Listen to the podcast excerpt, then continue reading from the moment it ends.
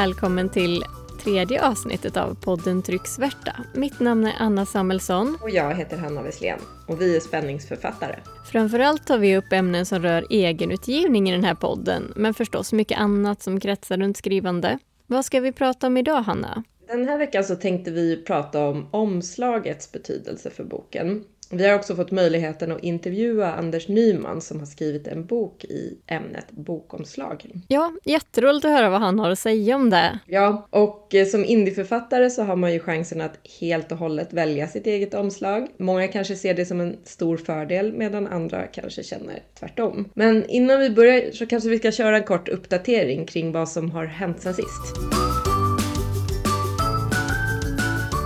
Vill du börja berätta Anna, vart står du i ditt skrivande och hur går det med e-boken av statisterna? Ja, e-boken har jag kommit lite längre med, men jag har också fokuserat på att göra en mycket tydligare synopsis än jag haft tidigare då för uppföljaren till statisterna. Ah, vad kul! Vi pratade ju lite om det förra avsnittet, om eh, skrivprocessen. V vad tycker du är den största utmaningen just nu? Ja, men det är nog att få ordning, ja men även på bihandlingar som ska vävas in i huvudspåret och och att jag faktiskt har det mesta klart för mig då när jag börjar skriva. Mm, jag förstår det. Det kan ju vara svårt att ändra för mycket i efterhand. Ja, men verkligen. Hur går det för dig då? Vad har du gjort sen sist? Och hur har det gått med titel? Du våndades ju lite över det förra gången, hur du skulle göra med uppföljaren till Sprickan i fasaden. Ja, titeln våndas jag fortfarande över kan man väl säga. uh, vi får nog ha ett separat avsnitt någon gång senare om att välja boktitel. ja, ja nej, det är en bra idé. Du skriver upp det här. Ja, men, men skrivandet i övrigt går ganska bra. Eh, jag har ju lagt in alla kapitlen till uppföljaren då i Scrivener och börjat skriva på kapitlen. Jag ligger väl lite efter planen men det går ändå, det går stadigt framåt måste jag säga. Ja men det är kul. Mm. Det som, det som gör att jag ligger efter planen det är ju att medan jag skriver så hittar jag nya saker att lägga in och ändra på. Trots att jag hade gjort en ganska detaljerad synopsis för varje kapitel. Men jag tror kanske samtidigt att det måste få vara så. Det, mm. det är nog svårt att undvika just nu för mig i alla fall. Ja, Ja, men jag tror det också. Att, för man får ju hela tiden nya idéer och det är synd att inte använda dem då. Mm. Men eh, hur går det med ljudboken? Jag har fått veta att den är inspelad och ska släppas snart. Så himla spännande! Ja, verkligen. För den ges ut av ett traditionellt förlag och spelas in därigenom kanske vi ska berätta. Ja, just det. Den ges ut av Saga Egmont. Så det är en annan typ av process än det har varit för den tryckta boken och e-boken som ges ut av mitt förlag. Så det är jättespännande att vara med om, om båda delarna för samma manus. Jag förstår det. Har du fått datum för när den ska finnas ute? Ja, eh, 7 februari kommer den. Ja, det är väldigt snart. Ja, ja visst är det. men ja, jag jobbar på med annat och glömmer nästan bort det ibland. Ja, men det är ju så. Det är saker hela tiden. Men du, ska vi köra igång med dagens tema? Det tycker jag. Förra gången blev det ju ett ganska långt avsnitt om skrivprocessen. Ja, vi pratade ju bland annat om vikten av att skaffa sig skrivvänner och hitta ett sammanhang där man kan få råd och tips. Mm. Och vi nämnde poddar och bloggar och även skrivkurser och du berättade ju om de som du hade gått. Mm. Och vi pratade också om fördelar och nackdelar i olika programvaror och du använde ju Scrivener Hanna och medan jag använde Word. Ja, precis. Så ja, lyssna gärna på det om du missade förra avsnittet. Men om vi kommer in på ämnet för idag, omslagets betydelse. Jag tänker ju att omslagets främsta uppgift är att sälja boken. Men vad är det då som gör ett bokomslag säljande? Ja, precis. Vad är det som gör att man plockar upp eh, en speciell bok i en bokaffär eller på biblioteket eller på en streamingtjänst för den delen, om man aldrig hört talas om den? Och allt sånt här är förstås subjektivt, men vi ska i alla fall diskutera hur vi ser på saken. Och vi kommer ju prata om vad vi tittar på avseende omslag i det här avsnittet. Tänker du mycket på hur andras bokomslag ser ut? Ja, men det gör jag. Själv tittade jag mycket på andras omslag innan jag gjorde mitt eget och jag lärde mig väldigt mycket på det. Man tror ju att man vet hur ett bokomslag ser ut, men det är inte lika självklart om någon ber en blunda och ska beskriva det. Nej, nej, verkligen inte. Jag vet inte om alla författare ens hade kunnat beskriva sina egna bokomslag i detalj. Nej, förmodligen inte. Och som läsare så ser man ju bokomslaget som en helhet som man antingen tilltalas av eller inte. Mm. Var det något särskilt som du funderade extra mycket på när du skulle göra ditt? Ja, men det var nog hur texten ofta var placerad, om det var centrerat eller hur stora marginalerna var åt alla håll. Och ibland finns ju inga marginaler alls, utan titel och författarnamn går ändå ut mot sidorna. Eh, ofta medvetet förstås, men inte alltid. Ja, men just det, du, du analyserade själva beståndsdelarna av omslaget menar du, utöver att titta på, på helheten? Mm, mm. Och jag kollade också hur de, hur de här olika eh, delarna var placerade i förhållande till varann, om titel eller författarnamn oftast var högst upp var förlagsnamnet brukar finnas och ja, men vilka typsnitt som användes och hur bokryggen såg ut. Mm, ja, men det är ju så många delar i ett omslag som, som inte jag tänkte på kanske tidigare innan jag började skriva. Det är både framsida, baksida och rygg såklart, men också ofta flikar på insidan med information. Mm, och färgskalan, kontrasterna, hur mycket text som finns på baksidan, allt är ju viktigt. Mm. Ja, men man lär sig mycket av att kolla på andras omslag. När mitt omslag skulle göras så tittade jag extra mycket på andra förstås och jag nämnde ett par stycken som jag tyckte var snygga till designen. Mm. Samtidigt så ville jag ju inte styra henne för mycket i, i hennes process. Nej, just det. Men det är ju bra att förmedla bilden och typ av omslag i alla fall. Precis. För det finns ju fina och mindre fina omslag i mina och allas såklart ögon. Även om det som sagt är en väldigt subjektiv bedömning. Mm, verkligen. Men eh, vad fastnar du för på omslag, Hanna? Och vad tycker du är mindre snyggt? Jag fastnar ofta för färgerna, tror jag. Det behöver inte vara det behöver inte vara några speciella färger utan snarare hur de samverkar med varandra. Ja, men jag håller med, det är viktigt. Har du några exempel på omslag som du kan berätta lite om? Men jag kollade lite nu och en bok som jag har sett nyligen som jag tycker är väldigt snygg det är Vivica Stens senaste bok Botgöraren. Den är så snygg tycker jag. Mm. Den går i lila och rosa, orange färg, vilket tilltalar mig väldigt mycket. Och dessutom så har den motiv från Åres skidbackar och gondolen i bakgrunden, bara en sån sak. ja, men du gillar ju Åre, vi kanske ska tillägga det. ja, det kanske påverkar lite. Sen har den en, en eh, blänkande plingklocka längst ner, en sån som man plingar på i en hotellreception. Och jag kände när jag ser det här omslaget så vill jag absolut läsa boken. Men den drar ju verkligen blickarna till sig med sina färger och det här ljusskenet eh, bakom namnet. Även om jag personligen har lite svårt för när det blir för mycket effekter på titel och författarnamn och sådär. Men det är ju en bok som verkligen syns i hyllorna och färgerna gillar jag med. Även gondolerna mot himlen i bakgrunden tycker jag är snygga. Mm.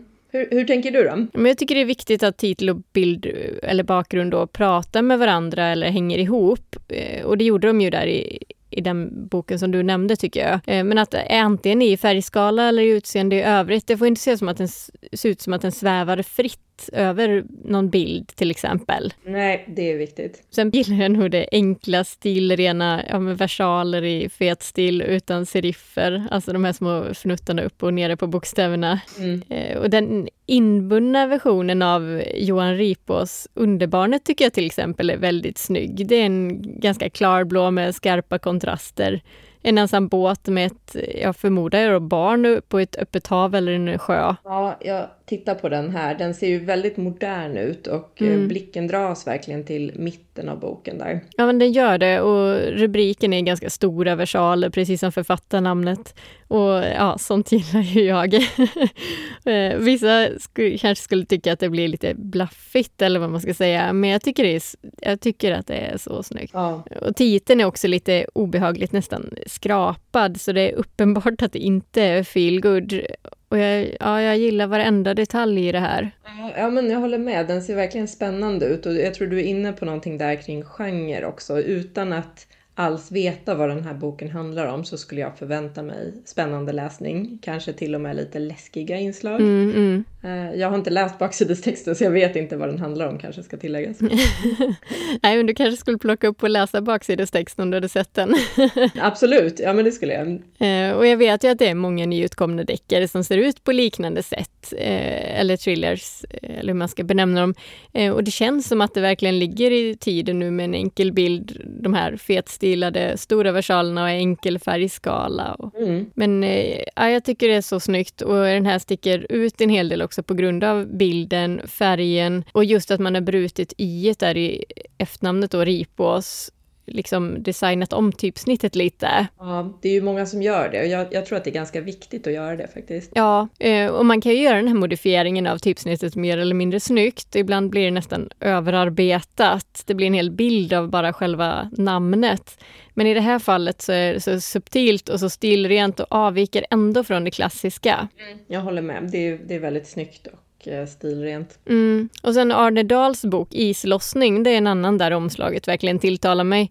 Den har däremot inte samma starka färger alls och drar kanske inte blickarna till sig på samma sätt. Men jag skulle absolut ta upp en sån bok om jag hade sett den i butiken. Mm, ja, men den ser spännande ut också. Den har också en båt på framsidan, men, men kanske lite annan känsla som förmedlas ja, än i den andra. Ja, nu råkade det vara en ensam båt på en sjö även på det här omslaget. Men det är, det är faktiskt en slump. Jag tycker om att den båtar också. Men eh, ja, jag gillade den och dessutom är namnen layoutade så att eh, förnamnet Arne då blir en del av A1 i efternamnet Dal på ett snyggt sätt utan att vara överarbetat. Och den är väldigt kall i färgerna, en blå färgskala som vittnar om något otäckt och sen författarens namn då i illrött. Så där får den att synas i hyllorna. Mm, det är väldigt snyggt. Och det är så många bitar i det här med omslag som är viktiga i slutändan. Ja, om boken inte sticker ut i bokhandeln eller nätbokhandeln eller om de potentiella läsarna till och med tycker omslaget är fult, ja då, då säljer den nog inte så bra. Nej, så, så är det ju. Men det finns ju faktiskt någon som vet väldigt mycket om just det här. Så är det.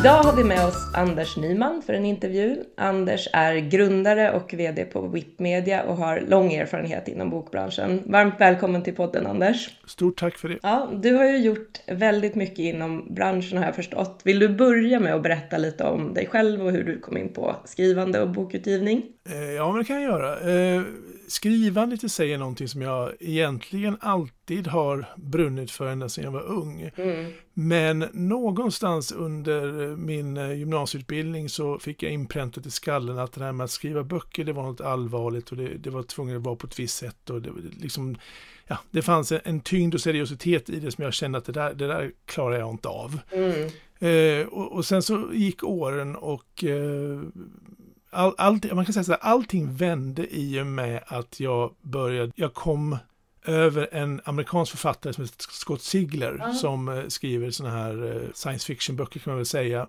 Eh, som jag där och då tyckte var väldigt spännande. Och han skrev på ett väldigt vardagligt sätt. Eh, och, och, det var första gången som jag insåg, eller efter att jag lyssnat på ett antal av hans böcker, för jag lyssnade på dem som ljudböcker då, mm. så insåg jag att men vänta lite grann här nu, det behöver inte vara Strindberg-kvalitet mm. eller nivå eller man ska kalla det för, för att man ska kunna skriva en bok. Man kan faktiskt skriva vanligt, ja. på vanligt språk med vanligt tilltal och, och så vidare. Och detta fick mig liksom att vakna upp och, och jag började direkt spotta ur med det ena manus efter det andra. Liksom. Mm. Eh, det roliga i sammanhanget det var att jag blev så inspirerad av Scott och hans arbete med, både med hur han skrev men även hur han sen valde att distribuera och ge ut böckerna. Mm. Jag, jag, var i kontakt med honom och han var en av mentorerna kan man säga bakom min första roman som jag gav ut. Så han var liksom med på vägen som någon slags eh, nestor när jag skulle försöka liksom ta mig an detta och då hade, då hade jag ingen koll på någonting överhuvudtaget. Ah, vad spännande! Så, så var han eh, egenutgiven författare utomlands eller? Ja, precis hans approach till alltihopa det var att han började med att spela in sina böcker som ljudböcker och distribuera dem helt kostnadsfritt som podcast. Ah. För det var precis i början när podcasting blev stort i, i världen. Senare blev han inom citationstecken då riktig författare och är nu utgiven på ett större amerikanskt förlag. Mm. Med, jag vet inte hur många, han har 20-tal titlar nu. Mm. Det var liksom så han började och det visade liksom på effekten av att faktiskt kunna välja alternativa vägar för att nå en marknad. Mm. Nu är det inte så att alla lyckas bara för att man kör liksom, man kan inte kopiera hans koncept för det, det, det går ju aldrig att göra. Mm. Men det visar ändå på att det här finns en möjlighet och det tyckte jag var väldigt fascinerande. Ja, men vad spännande, jag känner igen lite det du säger där, att du såg att det fanns andra vägar och det öppnade upp lite för ditt intresse kan man säga. Ja, precis. Hur skulle du säga då att um, bokbranschen har förändrats under den här tiden tiden som du har varit verksam? Det, det är väl två saker som, som sticker ut mer än andra och det ena är ju digitaliseringen. Mm. När jag började så var det ju en tyngdpunkt på den tryckta boken och även om man pratade om ljudböcker och e-böcker så var det ju väldigt obskyrt. Mm. Det är någonting som har utvecklats enormt de senaste åren och framförallt då ljudboken har ju blivit, idag är det ju egentligen den primära kanalen för väldigt många författare. Mm, ja men verkligen. Och det andra som jag tycker har förändrats och det går liksom också ihop med där min resa började och det var ju själva egenutgivningen, att mm. det har blivit så lättillgängligt på gott och ont, men det har blivit väldigt, väldigt lättillgängligt eh, de senaste åren. Man är inte längre beroende av ett stort förlag som ska tycka och ha åsikter och som styr verksamheten, utan man kan ge ut böcker väldigt lätt idag. Ja, men det är ju jättespännande. Och ser du några stora skillnader? Jag tänker lite på, mm, då har du haft tidigare kontakt med en amerikansk författare. Ser du några stora skillnader fortfarande mellan Sverige och andra länder eller? Ja, men det gör jag. Den allra största skillnaden, för det första är det skillnad rent hur olika länders bokmarknader ser ut rent allmänt. Mm. Men det finns en väldigt stor skillnad i det psykologiska, framförallt mellan USA och Sverige. Mm. Och det är att i USA där främjar man ju det här egna initiativet väldigt tydligt. Eh, Medan man i Sverige på något sätt fortfarande lever under jantelagen, att man ska inte tro att man är någonting. Mm. Det är någonting som blir väldigt tydligt när man, som jag då var när jag satte igång, var väldigt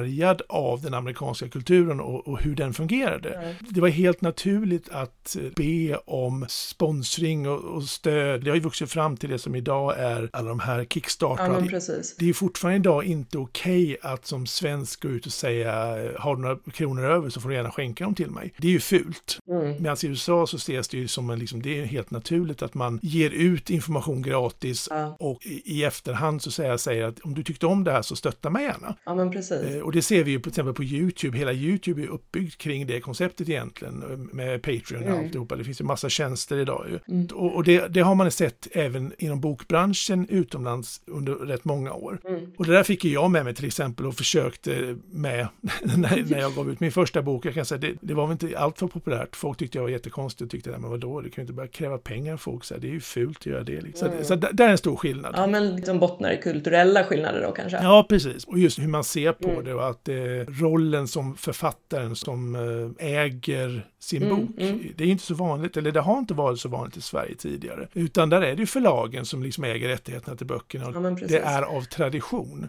Men det har ju börjat luckras upp nu och det tycker jag är positivt. Jag tycker, det finns ju många exempel idag på författare som har helt på egen hand lyckats ge ut böcker som har vunnit framgång så att säga. Mm, och det är ju någonting som jag tycker är jättekul. Sen innebär inte det heller att, att alla lyckas med det eller att alla är bra för den sakens skull. Men möjligheten finns i alla fall och det tycker jag är positivt. Ja men precis, ja men så är det ju inom alla, alla branscher. Det är inte alla som alltid lyckas bra men det finns möjlighet i alla fall. Ja precis, jag är ju jag är formgivare till yrket och har varit, eh, jobbat med det hela mitt liv och det är ju samma sak där när Desktop Publishing kom till världen världen, då öppnades det upp en värld. Alla kunde formge grejer helt plötsligt. Mm. Och det är en jättemöjlighet, men det innebar ju också att det kom ut väldigt mycket skräp under en viss period när, när alla skulle, eh, men ingen kunde om man säger mm. så. Ja, men precis. Det blir lite självsanerande mm. på sikt kanske också. Ja, till slut blir det det. Och, och, det kan jag fortfarande känna idag, att som formgivare så tycker jag ju det är jobbigt att se böcker och bokomslag till exempel som, som jag känner, åh oh, nej, varför gjorde de så? Det här, man ser en titel, tycker att det här är liksom guldläge och så tycker man att de kollar kollra bort alltihopa. Ja, förstår det. Men så är det ju och det, som du säger, det är självsanerande. Ja. Med, med, tiden så kommer ju de uh, aktörerna inte att överleva helt enkelt. Så enkelt är det ju. Precis. Nej, men det blir spännande att se utvecklingen närmaste åren nu tycker jag. Men vill du berätta, vad gör du huvudsakligen just nu då? Allt.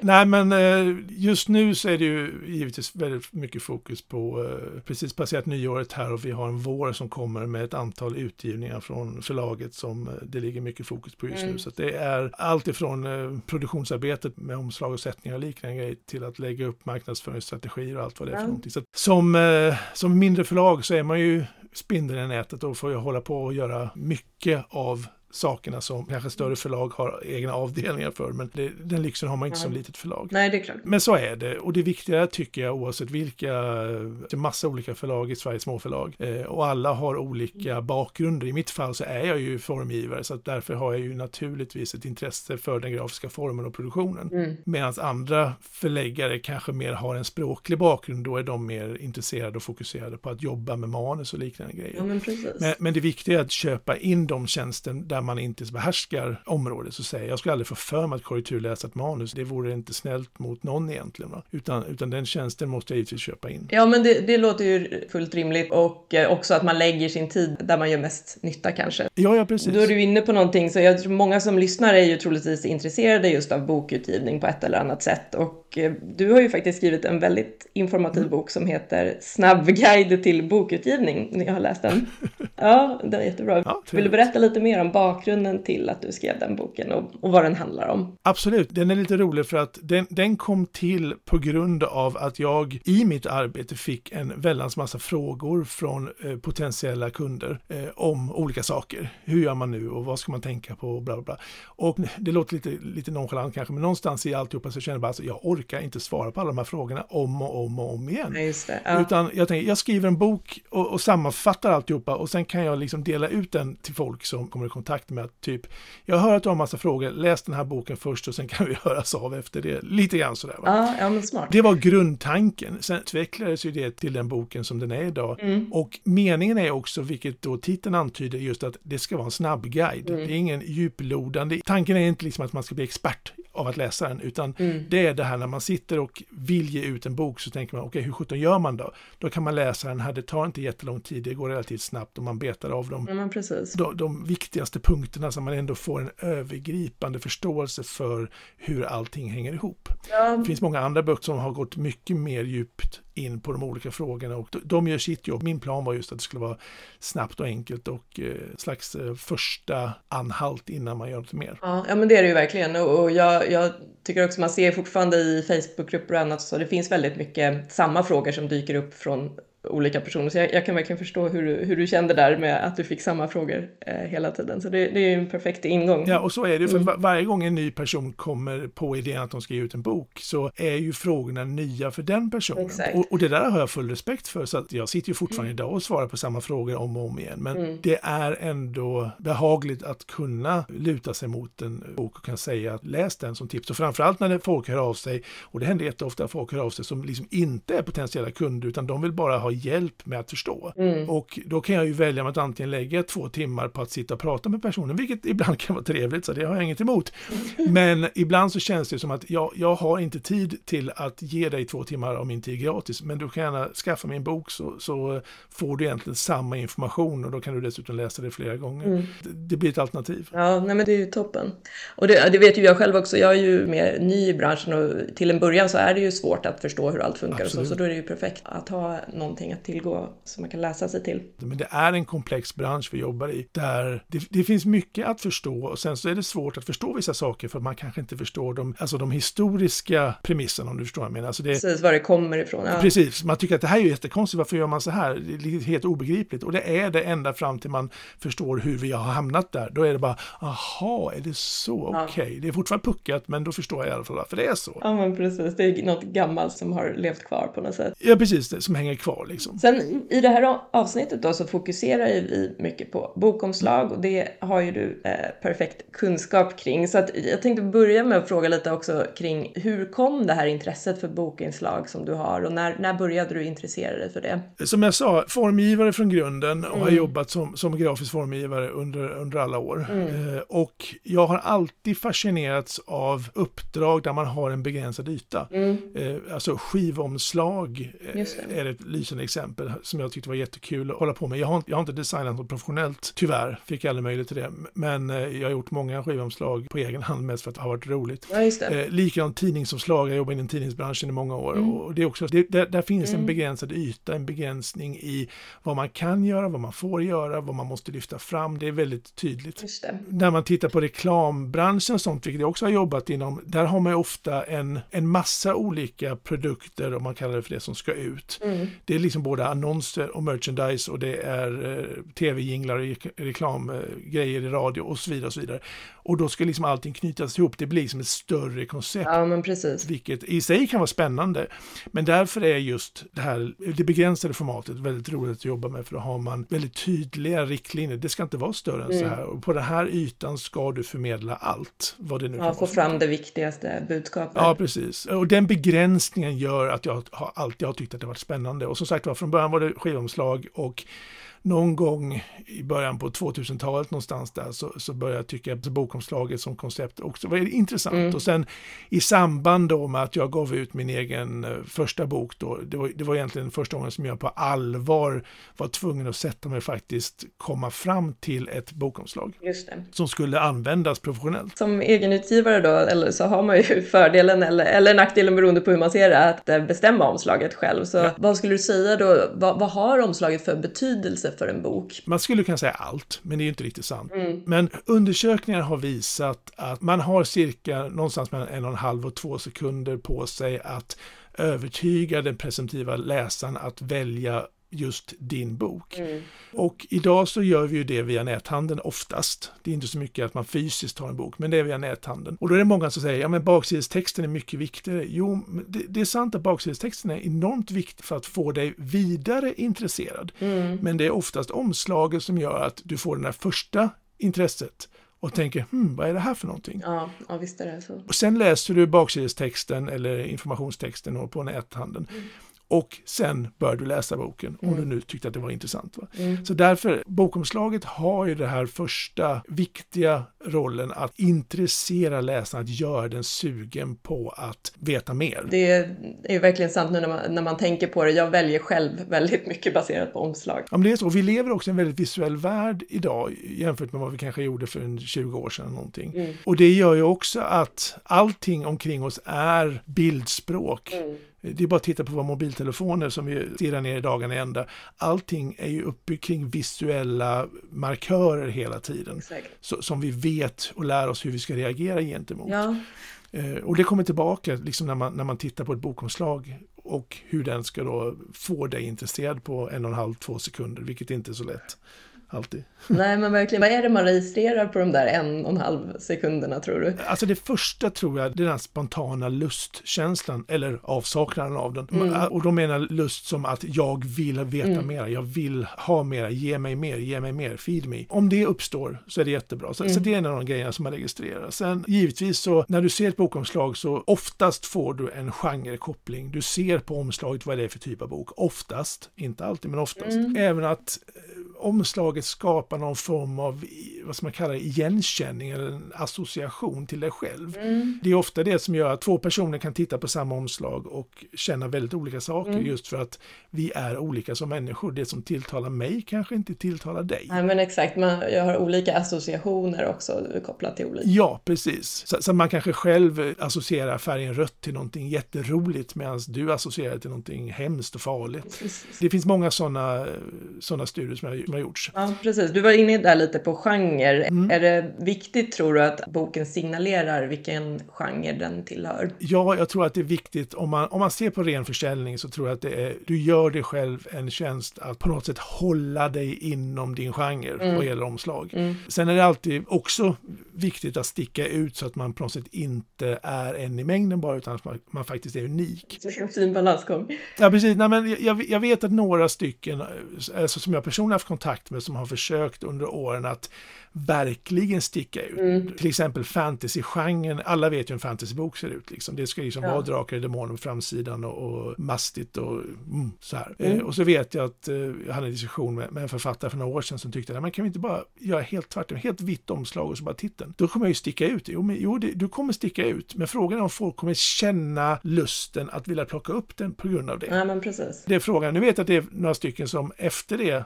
några andra alltså, som har lyckats med att skapa fantasyomslag lite grann på det temat och faktiskt har lyckats riktigt bra. Ja. Men det är inte en lätt match att sticka ut och vill man sticka ut på det sättet då måste man vara riktigt vass och, och, verkligen veta vad man sysslar med. Man kan liksom inte göra som amatör. Slänga till något. Nej, precis. nej, men det låter rimligt. Det är svårt. Det är därför jag säger ja och nej. Bra synpunkt där. Du har ju också skrivit en bok även om bokomslag. Ja. Hur kom det sig att du valde att skriva den? Var det lite samma som med den andra boken, att du fick eh, mycket frågor eller vad var bakgrunden till det? Nej, det var det, var det faktiskt inte. Mm. Eller inte, inte på det sättet. Där handlar det mer om att jag ställdes mot mycket okunskap i olika Facebookgrupper mm. som jag var aktiv i. Där det var väldigt vanligt förekommande att människor berättade om sina sanningar. Så här gör man, så här ska det vara. Mm. I vissa fall stämde blandade, men i många fall var det väldigt underliga åsikter. Och ibland var det rent av felaktiga saker jag hörde. Ja. Och det fick mig att känna, men jag vill skriva ihop min kunskap och samla den i en bok. Mm. Återigen, samma som egentligen med, med den nya boken, men att ha lite grann som referens Ja. för att kunna använda. Och den är också riktad till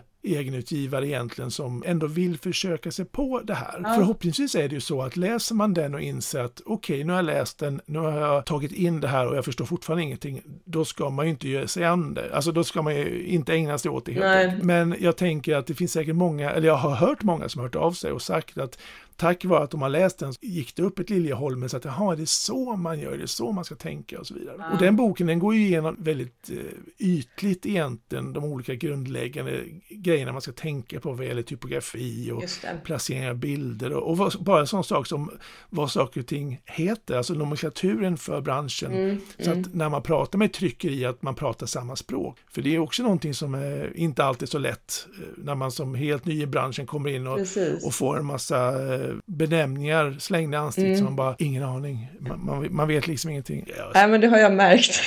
stöter på det fortfarande idag och jag har konversationer med mitt tryckeri eh, ibland liksom jag känner att okej, nu har du sagt det här ordet fem gånger, vad är det egentligen du pratar om? Det känns ju upplyftande att även du kan stöta på saker som är nya. Ja men absolut, ja, men det händer fortfarande. Mm. Och jag är ingen tryckeriexpert. Sen har jag ju lärt mig mycket såklart även om det under åren. Mm. Alltså, det blir automatiskt så att man lär sig vad man kan göra och inte kan. Men eh, nyligen till exempel, en bok som gick iväg på tryck här igår det. som eh, jag var helt inställd på att vi skulle göra på ett visst sätt vad gällde en, en prägling Mm. eh, på omslaget. Och sen visade det sig att det, det gick inte Okej. att prägla som jag hade tänkt med den färgen eftersom omslaget var laminerat. Nej, det är väldigt detaljerat.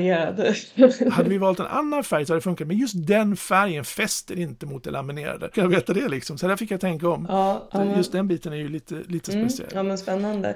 Och vi ska inte spoila boken men om du skulle välja ut eh, några viktiga medskick från boken till lyssnarna, vad skulle det vara för någonting då? Oj, det var en svår fråga. Jag tror att det är viktigt att vara unik. Mm. Och, och med det menar jag att ska man ge sig på att liksom försöka designa ett eget omslag, använd inte liksom standardtypsnitt och sådana grejer. Nej. Det- innebär inte att det måste vara någonting konstigt, men på något sätt så ser ögat om det är Times New Roman på titeln eller om det är någonting annat. Alltså Mm. även om det skiljer lite så märker man skillnad. Även folk som inte är insatta ser ändå skillnad på något sätt. Att man skapar en unicitet genom val av typsnitt, val av bild. Ska du hitta en bild på en kråka, ta inte första bilden som dyker upp när du söker i bildbanken, utan försök att hitta någon som är lite, lite längre ner på listan så att det finns en, mindre risk att fler personer har använt samma bild. Mm. Så att just det här med att vara unik tycker jag är, det, det är en viktig grej. Ja, bra tips. En annan sak är att eh, förstå omslagets uppbyggnad och vad de olika delarna är. Må- många, när man pratar omslag så tänker många på framsidan på omslaget, men omslaget har ju en baksida, den har en rygg, den kanske har flikar, Mm, omtag, utfall. Alltså det finns många benämningar kring det hela så man liksom just förstår vad ett omslag består av. Mm. Och tittar man på förlagsinbundna böcker så har de skyddsomslag och grejer och det är foliepräglingar på ryggen. Alltså det finns många sådana grejer. Att man just sätter sig in i vad omslaget består av. Det tror jag är väldigt viktigt eh, för att kunna ta sig Ja an men det. absolut, väldigt grundläggande. Ja, precis. Eh, den sista punkten, och den, kanske är lite luddig i och för sig, svår att förklara, men det är just att försöka sätta sig in i relationen mellan bild, typografi och färger så att de gifter sig. Mm. Allt för ofta så ser jag snickra bokomslag där typsnittet stämmer inte överens med tonen i bilden. Alltså bilden kan vara jättevacker till exempel och sen är typsnittet är stenhårt hårdrockartypsnitt och Mm. sen är färgerna liksom sommarfärger. Man, det känns som att allting bara går stick i stäv. Ja. Så att man liksom på något sätt försöker sätta sig in i det här. Och det där är svårt och det, det är lite grann det som gör att det finns proffs och amatörer. Precis, och det, det kanske är också om man inte har någon erfarenhet och vet med sig att man inte har en känsla för sånt där, då, då kanske det är svårt att ge sig på att göra ett professionellt omslag. Det är det absolut. Sen finns det de som lyckas. Och Jag har sett många under årens lopp som har gjort skitsnygga bokomslag som aldrig har gjort någonting tidigare. För, men då märker man lite grann att de har ju ett öga för det. Alltså de har formsinnet och, och liksom kan se de här grejerna. Ja, men precis. Tyvärr så finns det många exempel på det omvända också. Mm. Har du någon uppfattning nu för tiden om hur vanligt det är att eh, egenutgivna författare designar sina egna omslag? Det är allt för vanligt. Jag hade en diskussion så sent som för 20 minuter innan vi började här intervjun i en Facebookgrupp angående ett omslag på en bok som jag tyckte, alltså bokidén, bokkonceptet var skitbra men mm. omslaget var bara inte riktigt bra helt enkelt. Mm. Och ibland kan det vara svårt att sätta fingret på vad det är utan att trampa folk på tårna för det är också väldigt känsligt. Ja, verkligen. Ja. Eh, det är svårt att säga att ja, men det ser ut som en barnunge har gjort det. Det brukar ofta inte landa så bra hos den som har gjort det. Kanske inte. Nej. Nej. Eh, och, och, och, där, min ödmjukhet där har väl fått eh, övas på under årens mm. lopp. Jag är väl betydligt mer ödmjuk idag än vad jag kanske var för ett par år sedan där jag var mer militant och tyckte att folk var dumma i huvudet lite grann. Nej, inte riktigt, men, men, men jag var mer aggressiv helt enkelt i mina kommentarer än vad jag är idag. Ja, det är så olika hur, hur man vill ta emot sån kritik också. Ja, precis. Men, men jag menar att om man lägger ut ett omslag på, på i en Facebookgrupp och frågar hej, här är mitt nya omslag, vad tycker ni? Mm. Då, då, har man ju ställt frågan. Absolut. Då tycker jag inte att man ska bli kränkt när någon kommer med, med kritik. Framförallt inte när kritiken är motiverad. Och det är jag väldigt noga med att varje gång jag hamnar i den situationen att jag lämnar kritik på ett omslag i till exempel en Facebookgrupp, mm.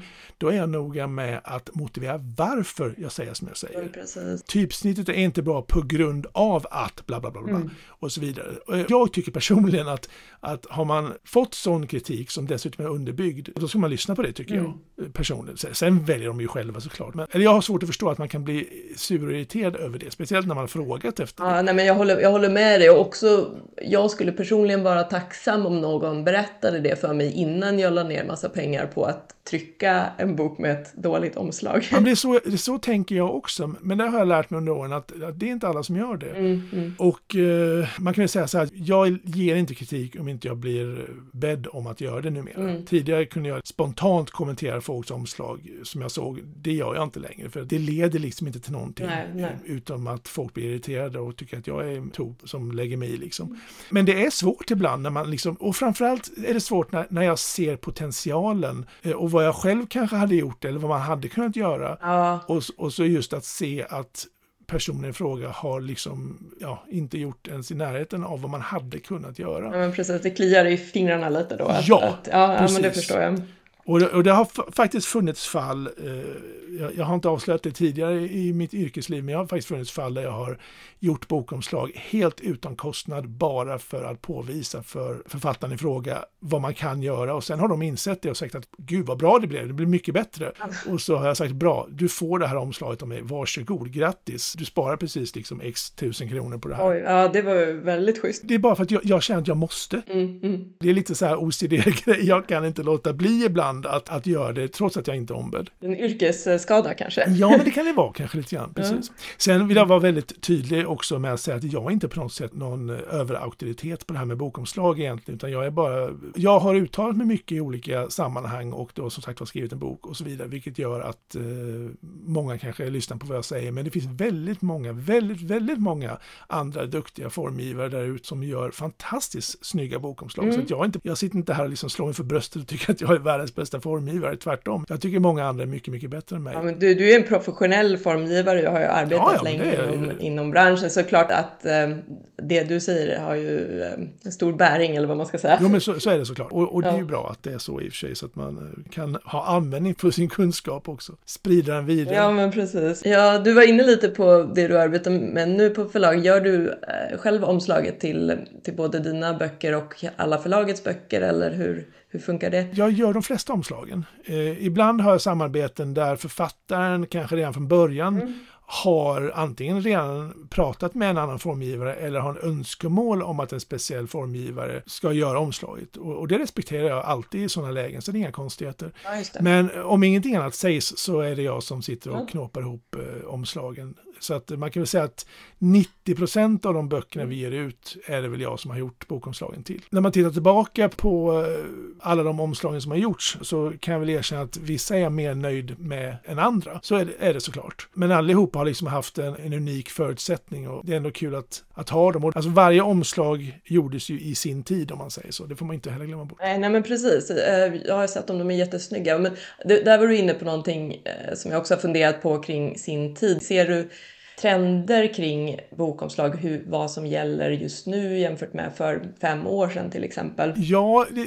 det tycker jag, framförallt att man kan se, eller en sak som har kommit väldigt mycket nu nyligen, alltså det senaste året, det är ju att de här grafiska omslagen har kommit tillbaka. Mm. De var väldigt populära på 60-70-talet, där man alltså inte har någon bild alls, utan det är bara objekt, linjer, fyrkanter mm, mm. Och, så, och, så, vidare, som man bygger upp bokomslag med och sen titel då på det. Så, så det är en liten flört med andra tider, så, så, det är någonting som har kommit tillbaka, på gott och ont. Jag, mm. Många av dem kan jag tycka är snygga, men, men jag kan inte säga att jag personligen attraheras av dem. Nej. Jag blir inte sugen på att liksom läsa en bok med ett sådant omslag. Men det, det är en smaksak. Ja, nej, det är nog samma här faktiskt. Vissa, vissa av dem är helt snillrika, mm. så att man har verkligen tänkt till lite ja. Det är det ena. Och sen det andra trenden som jag tycker man ser, tyvärr, och det är den här strömlinjeformningen inom vissa genrer. Framförallt feelgood, där ljudboksmarknaden är, alla omslag ser likadana ut. Du kan lika gärna bara ta copy-paste på varenda bokomslag. Mm. Det är så tråkigt. Ja, de är väldigt lika faktiskt. Ja, men från början var det på något sätt ändå att de hade samma anslag, men det var ändå väldigt olika. Nu kan jag kan inte se skillnad på dem. Nej. Jag kan titta på, alltså, och jag måste verkligen läsa, vem är det här? Okej, det är den författaren. Okej, bra, då vet jag, då är det inte den jag har läst. Vet, så, så, lika är de idag och det tycker jag är jättetråkigt. Och jag, vet, jag har haft en diskussion med ett ljudboksförlag och mm. de höll väl i princip med om det, men de sa ju det att det är det läsarna vill ha. Mm. Så fort de gör ett bokomslag som avviker, då märker de det på försäljningssiffrorna. Det är intressant. Ja, det är intressant och det är skrämmande. Mm. Så att tydligen mm, så är det ju mm. så att vi vill ha samma sak hela tiden. Ja, det låter ju så. Ja. Så man kanske bara ska återanvända de omslagen som har sålt bra och köra det på alla böcker oavsett vad det är för genre. Kanske vore ett nytt grepp. Byta, byta namn. Ja, precis. Ta bra betalt för inget jobb ja. alls. Ser du några skillnader mellan eh, olika länder där, Sverige och ja. eh, USA till exempel i bokomslag? Tittar, tittar, man på, eh, tittar man på USA så är det fortfarande väldigt mycket bildbaserade bokomslag. Mm. Jag vet inte, det här är bara min egen teori, men jag tänker att det följer nog lite grann i hand i hand med den amerikanska filmindustrin som har varit väldigt eh, dominerande under ett antal decennier. Så jag tror att det hänger ihop med mm. det. Tittar man i eh, andra europeiska länder, typ England, eh, där jag har en del eh, intressen, där ser man ju att det aldrig riktigt har blivit de här bildomslagen, mm. utan att de, de, har hållit sig rätt länge vid de här grafiska grejerna. Mm, det. det. innebär ju inte att det inte finns, det klart det gör det. De har varit mer åt det hållet under hela tiden. Mm. Medan vi i Sverige har, vi har nog suktat lite grann efter amerikanska filmkänslan ja. kanske. Och det stämmer nog rent allmänt kulturellt. Mm historiskt också. Så, så, visst finns det skillnader där. Och sen så är det vanligt i många sydeuropeiska länder, mm. där är det vanligt med böcker som en, inte ens har omslag. Mm. Det är klart de har omslag, men där man liksom i stort sett har en färg och så bara titeln på boken. Och jag vet inte om detta är någonting som har varit genomgående under många år. Ja. Men jag, jag reagerat på det vid något tillfälle. Jag har varit ute och letat efter böcker. Så har jag just märkt att varje gång som jag har hamnat då i typ, det har varit Spanien, Italien och sådana länder. Mm. Så är det väldigt ofta den typen av omslag. Och jag vet inte om någon som lyssnar som är från dessa trakter får gärna rätta mig. För jag kan ha jättefel. Men jag får känslan av att de inte liksom är riktigt lika omslagsbenägna om vi kallar det för det. Det är inte lika viktigt kanske. Nej, eller precis, att man tittar utan, på annat. Ja, ja exakt. Jag, jag, kan ha helt fel. Det kanske bara varit att jag har råkat hamna på de fem böcker som har haft det här. Men, men det är den känslan jag har fått. Ja, ja, intressant. Men det betyder ju att oavsett då så kan det vara något att fundera över om man planerar att ge ut sin bok på Amazon eller alltså någonting amerikanskt till exempel. Att fundera på att göra olika omslag till och med kanske. Ja, precis. Och det är någonting man gör, alltså tittar man på de stora förlagen som ger ut böcker i många, alltså på många marknader mm. så, så, är det ofta så att man gör just det. Mm. Man anpassar det. Och vi har ju själva gett ut utländska författares böcker i Sverige. Mm. Och vi har ju alltid anpassat omslagen till den svenska marknaden och, och den diskussionen har vi haft med de engelska förlagen i det här fallet. Då. Och eh, de, de, har ju liksom förutsatt att vi ska göra det och uh, inte på något sätt ens antytt att vi skulle liksom köra samma upplägg som de har haft i, i England eller i, uh, Nej, USA eller något liknande. Utan det sker alltid en anpassning till den lokala marknaden vad gäller bokomslag. För det är, omslagen är ändå viktiga och måste tilltala det landets målgrupp. Ja, men det, det låter fullt rimligt. Har du själv något favoritomslag då, som inte är ett av dem du själv har designat då? Eh, ja, något sånt har jag inte för övrigt. Eh, jag, jag, brukar inte slå mig för bröstet så. Jag, jag, vet inte, alltså jag tycker om bokomslag som, som har väldigt snygga bilder och, och där allting harmonierar väldigt tydligt med färger och typografi som jag var inne på tidigare. Ja. Jag kan inte ge något exempel tyvärr rakt upp och ner så här. Men färg, färgval är, är, viktigt då? Färgval är viktigt mm. och det, det finns ju många studier på hur vi reagerar på olika färger färger. Mm. Jag har inte läst dem allihopa, det ska jag villigt erkänna. Men det finns ju det här klassiska, liksom, att rött det är varning, fara, färde och grönt är liksom lugnt och behagligt och gult blir man glad av och allt vad det är. Ja. Men sen är det mycket kontraster också, för det är väldigt viktigt och det är någonting också som många missar när de gör bokomslag själva. Det är just att kontrasten, man måste se omslaget när man tittar på den på skärmen på sin ja. mobiltelefon i, inne på Bokus eller Adlibris eller någonting. Det är ju jätteliten bild ju. Mm, mm. Och då mm. måste man kunna se omslaget. Det är många som liksom har väldigt liten text och den är tunn och det man, man ser ingenting. Mm. Men eh, snygga, rent fotografiskt vackra bilder mm. där man har liksom kopplat ihop en snygg, snygg typografi till det.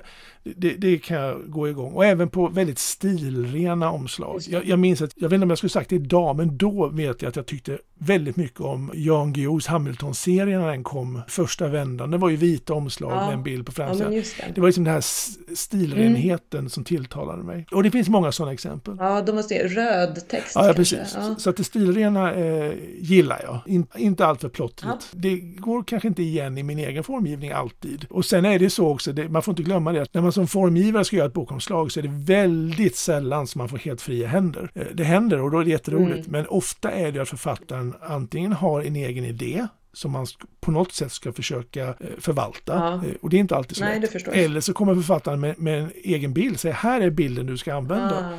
Och i de lägena får man liksom göra det bästa av det. I vissa fall så mm. har det ju kanske blivit att man har försökt några gånger, sen efter ett tag känner man att alltså, det här går inte, måste vi gå Nej. den här vägen? Eh, och då får man inte ha en diskussion om det. Och i de lägena menar jag att går man igenom och tittar på alla de bokomslagen jag har gjort så ska man ändå ha det i åtanke att det är inte så att jag har fått fria händer på alla bokomslag utan i många fall, de flesta fall nästan, så finns det ju någon form av instruktion som följer med från början med vad författaren själv vill ha. Ja, det är intressant att du tar upp det, för det tänkte jag höra också om. Har du någon rekommendation då? Om man är författare då och anlitar en omslagsdesigner, hur skulle du rekommendera att man går tillväga så att säga med önskemål och sådana saker? Så det finns ju två vägar. Antingen om man, om man ska göra omslaget själv, det är ett scenario, eller om man anlitar någon annan. Men om vi tittar på att man anlitar någon annan så tycker jag för det första så ska man titta på vad den personen har gjort sedan tidigare så man vet hur den personens mm. omslag ser ut så man inte blir förvånad sen och förväntar sig någonting annat för det är ju rätt dumt. Mm. Och sen så ska man lita på sin formgivare. Jag tjatar om det rätt ofta att om formgivaren menar att det, det funkar bäst med svart text här och mm. inte gul eller någonting. Jag vet inte, jag bara hittar på det, men lita på det. Ja. Åtminstone i ett första steg. Mm. Och sen när du kollar omslaget med lite olika människor, om allihopa säger emot det som formgivaren har sagt, då kanske han eller hon inte har jag fått allting rätt för sig eller vad det nu kan vara. Men mm. i, det, i grunden, ifrågasätt inte formgivaren hela tiden, för det Nej. blir väldigt kontraproduktivt. Och som formgivare, jag har själv råkat ut för det, så är det väldigt jobbigt att hantera en sådan kund för att ja. jag vet vad som fungerar. Mm. Både rent formgivningsmässigt men även rent branschmässigt. Men precis. Eftersom man har ändå, jag har liksom 25 års erfarenhet av det här och har gjort det så pass länge. Ja. Givetvis, det händer att man har fel och det finns ibland situationer där det finns ett syfte med att det ska göras på ett visst sätt som man som formgivare kanske inte förstår från början eller inte har fått klart för sig. Mm. Men lita på formgivaren, det tycker jag är jätteviktigt. Ja, ja men det, det, tror jag är bra tips. Ja, och sen när det gäller, tror jag nämner i boken också, nya, att när man tar in pris och sånt från formgivare så är det många författare som förutsätter att alla format ingår, men det är inte alla formgivare som är lika klara på det. Nej. Och det är någonting som jag hör en del missnöje kring mm. uh, ute i, olika Facebookgrupper. Att ah, jag beställde ett bokomslag och betalade massa pengar, nu måste jag betala ännu mer för att få uh, ljudboksomslaget. Ja, liksom. mm. Kolla sånt i förväg ja. och, och säg till det från början att i det här projektet så vill jag att du gör både tryckt bok, e-bok och ljudbok. Det är liksom alltihopa i ett kit. Mm. Det är vad jag förväntar mig. Mm. Så det, så det ska man göra. Om man ska göra sitt eget omslag så tycker jag det är väldigt viktigt att börja med att titta på hur andra böcker i samma genre ser ut. Ja. Så man får ändå liksom en känsla för det, det är det här jag tävlar emot. För det ska man ha klart för sig, att det är det det handlar om. Mm. Det är en tävling. Ja, Ditt omslag ska göra att din bok känns mer intressant än Camilla Läckbergs nya, eller vad det nu är för stor författare som du tävlar mot. Ja. Så det är det som är motståndaren. Mm. Men sen så tänker jag också att man en annan sak som man inte ska glömma så, som egenproducent, det är det här med typsnitten. För att många mm. använder standardtypsnitt, jag var inne på det tidigare också. Ja, och så säger man, men jag har bara 14 typsnitt på min dator eller vad det kan vara för någonting. Nu ofta har man ju fler nu för tiden. Men, men, men det finns ingen ursäkt. Det finns alltså sajter på nätet där man kan ladda ner typsnitt helt gratis att använda. I många fall kan man använda dem helt gratis oavsett mm. vad du gör. I vissa fall får man betala typ 100 kronor eller någonting. Eh, väldigt liten summa för ja, att använda precis. typsnitt. Och där finns liksom 100 000 att välja på. Så att liksom, det finns ingen ursäkt idag att ha taskig typografi på ett bokomslag. Nej. Det enda ursäkten är att du som gör det inte är kompetent nog att förstå vad det är du gör och då ska du inte göra det. Ja men precis. Det är lite hårt att säga så, men det är också lite krasst. lite, lite grann gör, gör din hemläxa och eh, läs på ordentligt. Ja, men precis. Och, och som en avslutning på just den grejen är ju också att det är väldigt enkelt att när man har gjort ett omslag och man tycker att nu är jag jättenöjd. Varför inte skicka det omslaget till en professionell omslagsmakare och bara be om råd? Hej, jag har gjort det här bokomslaget. Vad tycker du? Vad kan jag förbättra? Jag lovar dig, många hade svarat helt utan kostnader för dig och gett dig lite feedback. Kanske inte liksom en 40 sidor A4-rapport, men ändå några punkter. Tänk på det här, tänk på det här och tänk på det här. Jag tror att det är någonting som många glömmer, utan vad de gör är att de tar sitt färdiga omslag och så frågar de sin fru och sina barn och sina, sin hund eller något liknande. Och så får de alla bara, ja men det är jättebra, jättebra och så tycker de att det är jättebra. Tyvärr funkar inte marknaden så, utan när den här boken sen kommer ut så kommer läsarna och kritikerna att potentiellt då såga omslaget, om det är nu omslaget vi pratar om, och tycka att det är skittråkigt eller dåligt eller vad det nu kan vara för någonting. Så att varför inte bara liksom höra av sig till proffs och bara be att få lite feedback? Det är väldigt enkelt att göra Det det. tycker jag var ett jättebra tips. Finns det några vanliga nybörjarmisstag som du ser ofta på omslag? Ja, det, det kan man väl säga. Det ena är just det här att man eh, använder standardtypsnitt och här grejer. Det, det är väl ett rätt vanligt misstag. Att ett omslag har en dålig balans. Eh, Att, att, att inte det, jag brukar säga att man brukar väga omslaget så att liksom det inte känns som att all, all information ligger ner till höger eller upp till vänster eller någonting. Det är också en sån här sak Just som det. inte är riktigt lika välplanerad ibland hos folk som inte är vana vid det. Och sen en tredje grej som, som jag tycker på något sätt alltid syns när det gäller just eh, amatörproducerade omslag, det är att man har väldigt liten marginal. Eh, och det kan ju verka vara en detalj, men det är jätteofta som liksom, man har 5 mm in på, på ryggen, eller in på baksidan, så börjar baksidestexten. Ah. Liksom, det är bara 5 mm kant ut till pappret tar slut. Och när jag ser det så alltså, jag mår nästan fysiskt dåligt av det. För det, det känns som att texten håller på att rinna ut utanför sidan. Ja. Man måste liksom ge lite luft, skapa lite utrymme så att liksom texten kan få andas lite grann. Så det, det, det är en sån här grej, just att man har extremt små marginaler och att man lägger saker väldigt nära kanterna. Ja, ja, men det måste ju vara väldigt bra att tänka på om man gör sitt första omslag. Kanske att man har önskat att få in för mycket text på Ja, baksidan eller någonting sånt, men det, det ska man akta sig för då. Ja, ja precis. Jag, jag vet inte vad det är. Eller det är en okunskap bara, är just att, Mm. att luften, tomrummet är väldigt viktigt. Mm, mm. i, i formgivning. Och det gäller ju generellt sett all formgivning, just att luften har faktiskt ett värde. Tomrum är inte noll, utan tomrum har ett jättevärde. Ja, ja, men superbra tips att avsluta med. Jätteroligt att du ville vara med Anders. Det har varit väldigt intressant och eh, jag tror att våra lyssnare också får med sig mycket från det här. Stort tack! Ja, tack själv. Jag hoppas verkligen att det gav något. Det var väldigt intressant att höra. Ja, verkligen kul att prata med honom och bland annat få höra hur han tycker att bokbranschen har förändrats. Det var väldigt spännande. Mm. Ja, men det har man ju märkt att branschen är väldigt inriktad mot ljud idag och jag är nyfiken på om det kommer fortsätta åt det hållet eller om det slår tillbaka. Mm. Men jag gissar på att det på ett eller annat vis kommer digitaliseras nästan helt om ett par decennier. Och det är konstigt egentligen att inte e-bok verkar lika stort, men jag vet i och för sig inte hur stort det är på streamingtjänsterna. Nej, jag har inte heller sett några nutida siffror på det, men men jag har förstått från olika håll att e-böcker inte är jättepopulärt här i Sverige. Här är det mer populärt med ljudbok som jag uppfattar det. Mm, mm. Även kring det uppfattar jag att, apropå skillnader då, så uppfattar jag att det finns en hel del skillnader mot andra länder där e-bok är större och först nu börjar ljudbok kanske komma ikapp på de marknaderna och i i Sverige var det mer som att vi hoppade över det här med e-bok och eh, gick direkt på ljudbok. Ja, jag kan ändå uppskatta e-boken. Tycker det är smidigt under till exempel långa semestrar eller så om man nu skulle ta sig tid att läsa på semestern, vilket jag oftast inte hinner. men, men då skulle jag föredra att ha, en, ha med mig en läsplatta istället för en hög med tryckta böcker, även om det bara skulle vara pocketböcker. Du då? Men jag, jag älskar e-böcker, jag läser gärna det. Ehm, jag älskar vanliga böcker ännu mer, men det är väldigt smidigt att läsa e-böcker på, på en läsplatta. Jag har en Kindle från Amazon med massa böcker på. Och där ser man ju faktiskt inte omslagen så tydligt. Det blir typ i svartvit på den. Ja, nej det kanske inte ser så spännande ut. Men jag tänkte också på det att Anders nämnde om att man bara har ett par sekunder på sig att få läsaren intresserad. Ja, det är ju en väldigt kort tid och, och att man annars kanske inte läser ens baksidestexten. Nej, precis. Sen om alla omslagen i, i läsplattan där i princip är svartvita så kanske böckerna i alla fall konkurrerar mot varandra på liknande villkor. Ja, ja men så är det ju. Och sen är det väl kanske inte från den plattan, för mig i alla fall, jag använder ju den när jag ska läsa, men när jag skaffar böckerna så skaffar jag ju dem inte via plattan, så då, då ser jag ju omslaget ordentligt. Just det. Sen tog Anders upp det här om att det är så subjektivt vad man gillar. Att han nämnde till exempel att färgen rött kan ge olika associationer till olika människor. Ja, men just det. Och det där är ju väldigt svårt. Jag märkte faktiskt det när jag hade några olika omslag att välja på från designern så var det ett likadant omslag som det jag valde fast i en annan mer orange färg. Mm. Mm, jag, jag tyckte att det såg dramatiskt ut som eld, men två andra av varandra oberoende personer som jag rådfrågade tyckte att det såg romantiskt ut och det var ju inte så bra så att jag valde inte det. Aha, ja, nej, det där är svårt.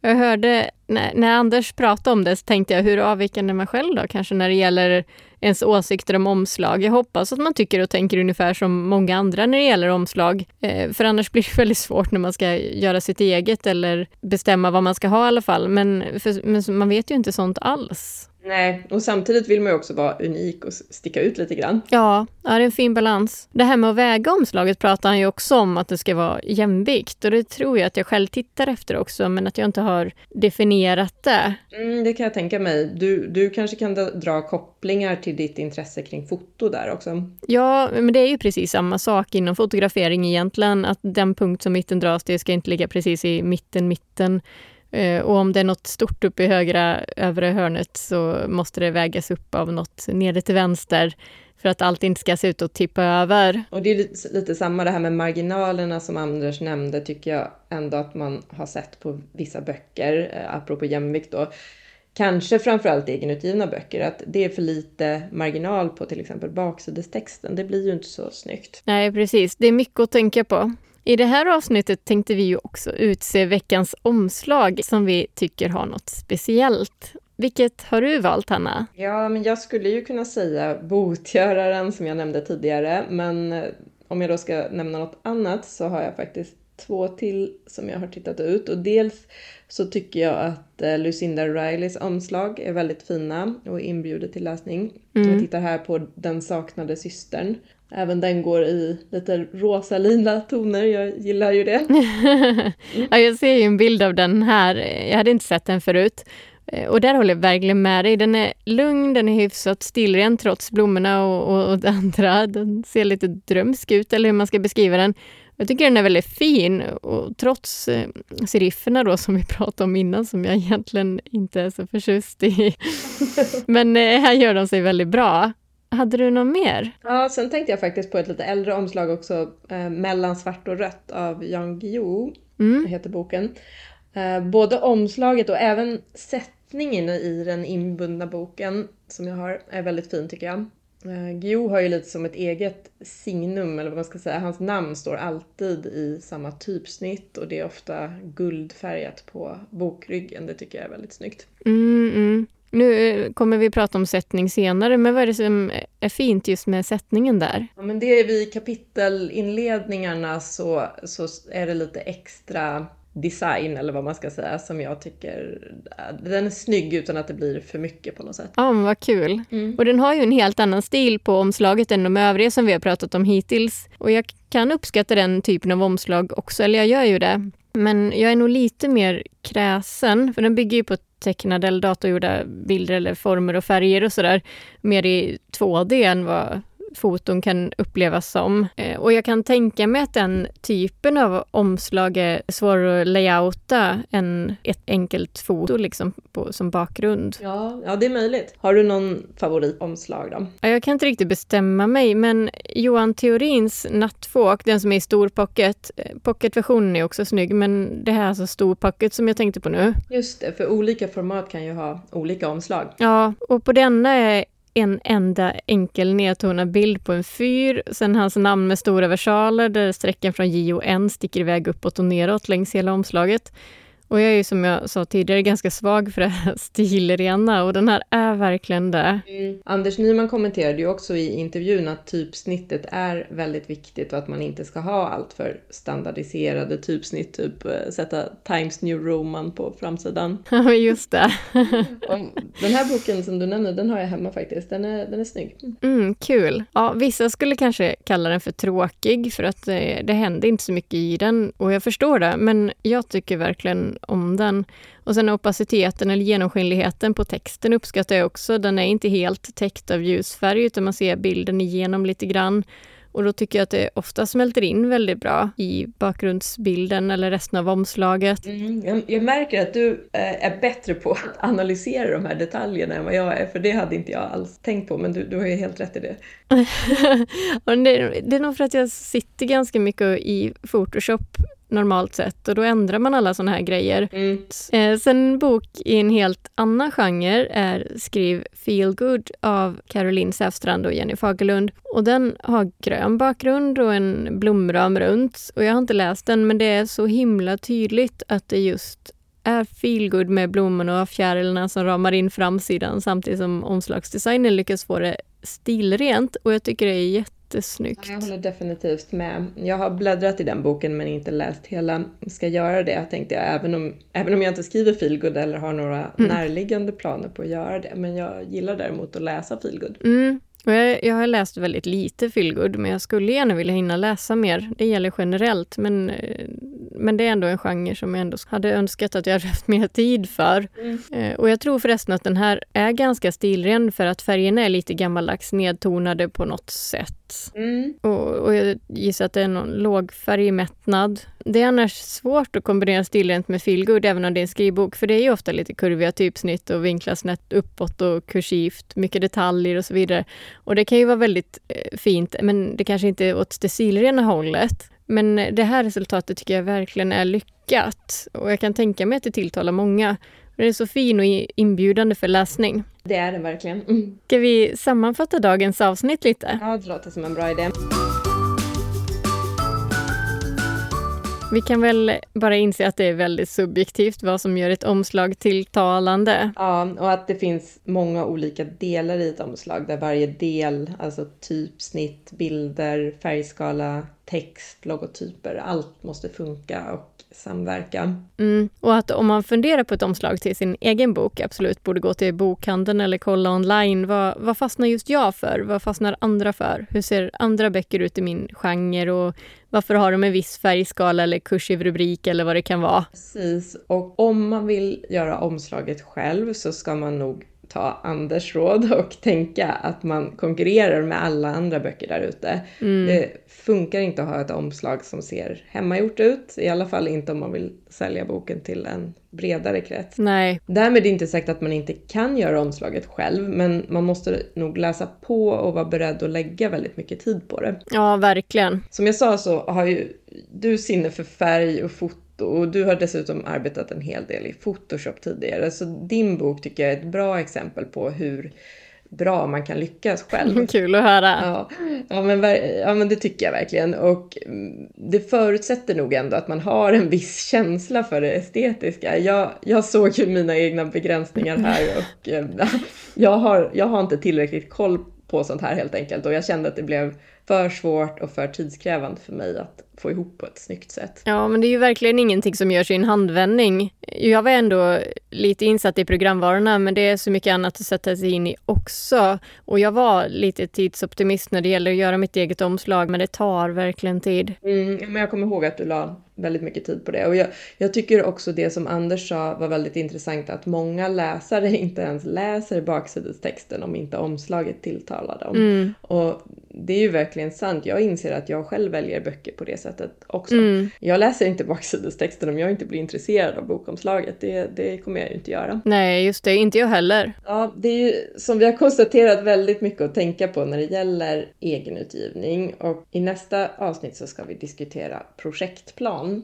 Kanske undrar du hur en projektplan för en bokutgivning ser ut, vad den innehåller, i vilket program man gör en sån och om det verkligen behövs. Ja, jag tycker att det har varit ovärderligt för det är så mycket att hålla reda på. Men samma här. Då kommer vi också gästas av författaren Albin Hagberg Medin som berättar mer om hur en Kickstarter går till. Just det, det är ju ytterligare ett sätt att finansiera sin bok, så missa inte det. Och om du som lyssnar har några frågor om något vi har diskuterat idag, kanske något du vill höra mer om, så får du gärna mejla dem till podden trycksvarta.gmail.com. Du kan också skriva DM till oss på Instagram där vi också heter podden trycksvarta. Och vi läser inte upp ditt namn om du inte uttryckligen skriver att vi kan göra det. Precis. Så missa inte nästa avsnitt av podden Trycksvärta. Vi vill tacka för att du lyssnar på det här avsnittet med mig, Anna Samuelsson. Och mig, Hanna Wesslén. Och vi hoppas att du vill fortsätta följa oss. Ha det riktigt bra nu,